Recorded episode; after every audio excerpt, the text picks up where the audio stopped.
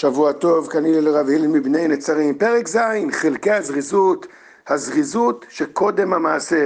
אומר המסעד שרים, מביא מהמחילתא, מפורסם מאוד, ושמרתם את, המצוו, את המצות, מצווה הבאה לידך, אל תחמיצנה.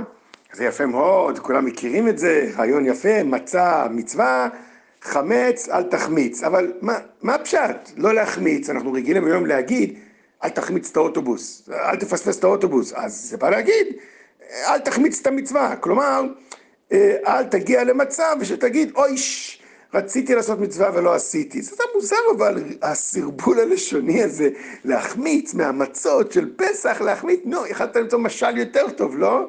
אלא שכתיקול דברי חכמים, המשל הוא עמוק מאוד. יש לו את הפשט הפשוט, אל תגיע למצב של תקלה, בסדר.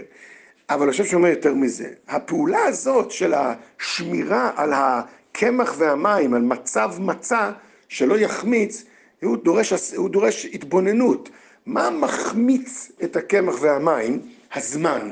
שיהוי הזמן גורם אינטראקציה, תרכובת, לא יודע איך אומרים את זה בעברית, תרכובת, פגישה בין הקמח והמים הטבעיים, הגולמיים נקרא לזה, שהם צריכים להרכיב את המצה, לבין המציאות. הזמן מוליד אה, אה, פועל, אה, מפעיל, פועל, לא רוצה להגיד מקלקל, כי זה עניין של, של תקופה, בפסח זה נקרא מקלקל, מקלקל את הקמח והמים ופוגם בטהרתם. אה, עכשיו חז"ל בעצם מלמדים אותנו את הסיבות למה אתה מחמיץ את המצווה. תיזהר, אל תחמיץ את המצווה. זה שבסוף אתה תפספס זה כבר מאוחר מדי. מה מוליד את הפספוס? הזמן. הזמן גורם לתרכובת, נקרא לזה, שבין החיים הטבעיים, ההכרחי החיים, לבין הרעיון של המצווה. נסביר את זה יותר טוב. לא, כמו שכל הספר אנחנו מסבירים, עד שנגיע למדרגות יותר גבוהות ומפותחות, החיים בנויים מהמבט הפשוט, הטבעי, השטחי, שאתה חי בו, ויש, הוא הכרחי החיים, השגרה, מה שהחול ושתו, ותעבוד, ופרנסה, צריך להסתדר בחיים, וכולי וכולי. ודבר השם, בוודאי בתחילת הדרך המוסרית, הוא תמיד רחוק כזה, רעיון כזה, בבית כנסת, בראש השנה, מתעוררים אליו, קצת, אפס משהו, מדי פעם נחשפים אליו, תמיד הוא לא נמצא ב- ב- ביום-יום בצורה טבעית. יש דברים שהם אוטומטיים, אבל יש דברים שהם חדשים, שהם דורשים התאמצות יתרה, פתאום צריך לפנות לזה זמן, נכון? תמיד למצווה צריך לפנות זמן. זה אף פעם לא נמצא בתוך השגרה, הרגילות, אין אם כן כבר עבדת והתאמצת, אבל באים ואומרים לך בוא תקבע זמן ללמוד, אין לי זמן לקבוע ללמוד, מתי לי זמן ללמוד? זה כאילו תמיד כזה תקוע בשגרה, זה, זה, זה לא בטבעיות של החיים, זה ככה זה, ככה זה תורה, צריך, לי, צריך תמיד לטפס למשהו יותר עליון.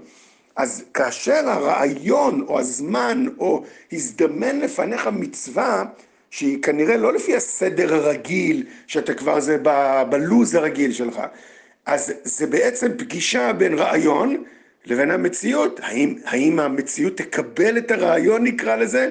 ברגע הראשון יש התלהבות, יש התעוררות, ויאללה בוא נעשה את זה. אם אתה תמתין לדבר, תמתין עד ש... אה, טוב, נחכה קצת, מה שיקרה זה שהרעיון יפגוש את ההכרחי החיים, ואז פתאום תראה כן, היה לך התלהבות, יאללה, אלול, בוא, נקרא איזה חברותא. אתה, אתה הולך הביתה, אומר, כן, כן, אני אדבר איתו מחר. תמיד בשבת יש את הרעיונות האלה, אני חושב, ואז אתה אומר, יום שני אני אדבר איתו ונקבע חברותא. יום ראשון אתה חוזר לעבודה, וואי, איזה מבול של דברים שאתה צריך לעשות, אין לך סוף לדבר הזה. אתה וואו, בואי הנה, אין לי זמן. אתה אומר, איפה בכלל עלה לי רעיון בכלל לקבוע חברותא. ואז ההתלהבות פוחתת, זה נראה רחוק.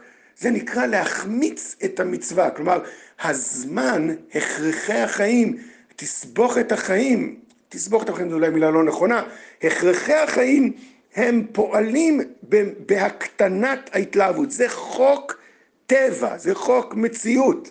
יש דוגמה על הצד ההפוך כדי לקרב ולדעת, מה שנקרא תסמונת שבי. אדם נמצא בשבי הרבה זמן, או מאושפז הרבה זמן, או אדם נזכר בעבר, נכון? אתם מכירים את זה? אה, כשהייתי בישיבה, אז למדנו, נכון? בטח אומרים את זה כבר, אתם אומרים את זה כבר לילדים שלכם.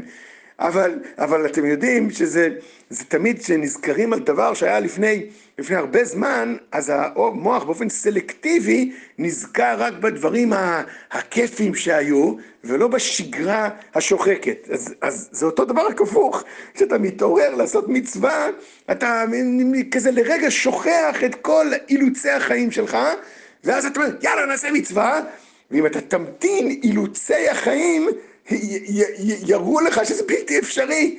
ואז אתה לא, זה לא מישהו מבחוץ מונע אותך לעשות את המצווה, אתה בעצמך מרגיש שבכלל לא אפשרי לעשות את המצווה הזאת. אין מצב שאני קובע עכשיו חברותא עם מישהו בגמרא, אין מצב, אתה אפילו לא, זה לא שאתה אומר, יואו, אה, יואו, איזה פדיחה, אני לא עומד ברעיון שלי, אתה אומר, זה רעיון איוולת, איך עולה בדעתי? לכן צריך להזדרז ולחטוף את המצווה. כל טוב ושבוע טוב.